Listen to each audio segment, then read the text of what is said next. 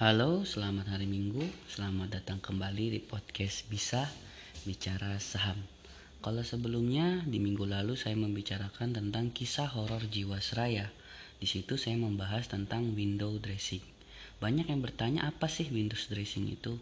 Apa itu legal? Bukan sebuah penipuan? Atau kenapa itu dihalalkan atau dibolehkan oleh OJK? Gitu.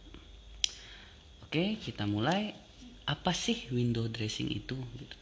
window dressing itu ini kalau saya dapat di Invest, Investopedia gitu ya dalam bahasa Inggris window dressing is a strategy used by mutual fund and other portfolio managers near the year or quarter end to improve the appearance of funds performance. Jadi window dressing itu adalah strategi yang digunakan oleh manajer investasi untuk meningkatkan performa fundnya performa uh, dananya dana perkumpulannya itu di akhir tahun atau di akhir quarter jadi window dressing itu di, bukan hanya dilakukan setiap akhir tahun tapi juga bisa dilakukan di akhir quarter ketika window dressing dilakukan harga saham meningkat otomatis aset yang dimiliki oleh manajer investasi ini bertambah. Seperti itu. Apakah uh, window dressing ini penipuan bisa iya bisa juga tidak gitu jadi window dressing itu bukan penipuan karena window dressing itu hanya me meningkatkan harga saham, performa dari saham. Sedangkan untuk laporan keuangannya itu sendiri itu tidak dirubah-rubah. Keuntungannya berapa itu sesuai dengan performa dari perusahaan tersebut gitu, tidak dirubah-rubah. Karena kalau memanipulasi laporan keuangan itu sangat berbahaya bagi emiten itu sendiri ataupun KAP atau kantor akuntan publik yang membuat laporan keuangan tersebut. Jadi window dressing itu berbeda dengan manipulasi laporan keuangan. Window dressing hanya e, berkutat pada perubahan atau penguatan performa dari harga saham di bursa. Nah, apakah window dressing ini benar terjadi gitu kan? Window dressing itu uh, selain dipicu oleh usaha dari emiten dan manajer investasi untuk mempercantik kinerja sahamnya, secara psikologis investor juga mempengaruhi gitu kan. Ini dari data IISG secara hi, secara historis selama periode dari 1995 sampai 2014 saja IHSG itu cenderung naik di akhir tahun dan akan kembali melemah di pertengahan tahun. Jadi jadi tingkat kenaikannya itu bervariasi dari sekitar 0,12% sampai 14%. Dari data 20 tahun terakhir ada sekitar probabilitas 90% terjadinya Windows dressing. Bagaimana kita menyikapi fenomena Windows dressing. Bagaimana kita menyikapinya? E, perlu diketahui bahwa Windows dressing ini merupakan e, keuntungan investasi dalam jangka pendek atau fenomena jangka pendek. Jadi jika investor membeli saham di bulan November dan menjualnya di akhir Desember atau awal Januari, maka untuk kemungkinan investor itu akan memperoleh keuntungan uh, salah satu tips untuk menghadapi Windows dressing adalah pertama lihat dulu fundamentalnya. Fundamental itu selalu menjadi yang paling penting ya. karena uh, mayoritas saham yang mengalami Windows dressing itu fundamentalnya buruk gitu.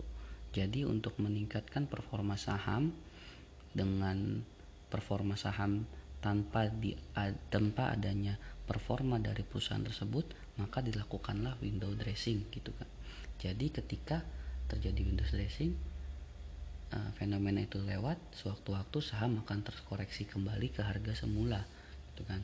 Terus kedua investor sebaiknya memiliki memilih saham yang menjadi pendorong utama indeks atau saham-saham blue chip saham-saham market leader di sektornya. Ketiga uh, sebelum membeli tetap konfirmasi dengan analisis teknikal jadi jangan mentang-mentang oh ini fenomena window dressing langsung beli bisa jadi itu cuma koreksi sesaat tapi kita perlu konfirmasi terlebih dahulu dengan analisis teknikal. Betulkah saham itu sedang mengalami bullish? Yang keempat, belum tentu window dressing terulang kembali setiap tahun. Itu perlu menjadi pertimbangan. Jadi jangan berharap setiap tahun akan terjadi window dressing. Nah, in, window dressing ini akan menghasilkan keuntungan bagi investor-investor jangka pendek yang hanya berinvestasi sekitar 1 hingga 2 bulan. Tapi kalau untuk investor jangka panjang, saya lebih menyarankan untuk membeli saham-saham ketika fenomena window dressing ini selesai gitu. Jadi ketika saham yang kita incar gitu, yang memiliki fundamental bagus, mengalami window dressing, kita tunggu saja terlebih dahulu atau kita beli sebelum window dressing terjadi dan biarkan saham itu kembali naik. Karena memang uh, mungkin ya saham-saham yang kita beli ini yang sudah kita analisis saham itu baik gitu kan dan bagus performanya ketika terjadi window dressing dia akan naik dan turun kembali. Kita tidak perlu khawatir karena itu merupakan fenomena wajar setelah terjadinya window dressing. Tetapi jika di rata-rata uh, selama 2 atau tiga tahun ketika performa saham itu bagus ketika performa perusahaan itu bagus pasti akan diikuti oleh performa dari harga sahamnya jadi tidak usah khawatir dengan window dressing untuk investor-investor yang lebih mengedepankan fundamental untuk berinvestasi dalam jangka waktu yang cukup lama, lebih dari satu tahun, saya menyarankan untuk membeli saham sebelum window dressing atau setelah terjadinya fenomena window dressing. Selanjutnya, eh, apakah kasus Garuda itu termasuk skandal window dressing? Kasus Garuda yang terjadi pada April 2019 pada uh, April 2019 yang lalu ketika para direksinya berdebat masalah laporan keuangan. Apakah itu termasuk window dressing? Saya bisa pastikan itu bukanlah window dressing. Window dressing adalah uh, cara memanipulasi harga saham melalui proses-proses yang bisa kita sebut bandarmologi.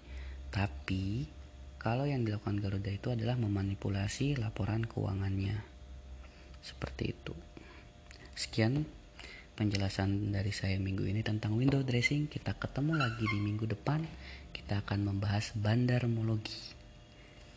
Sampai ketemu lagi minggu depan. Sampai ketemu lagi minggu depan. Salam cuan.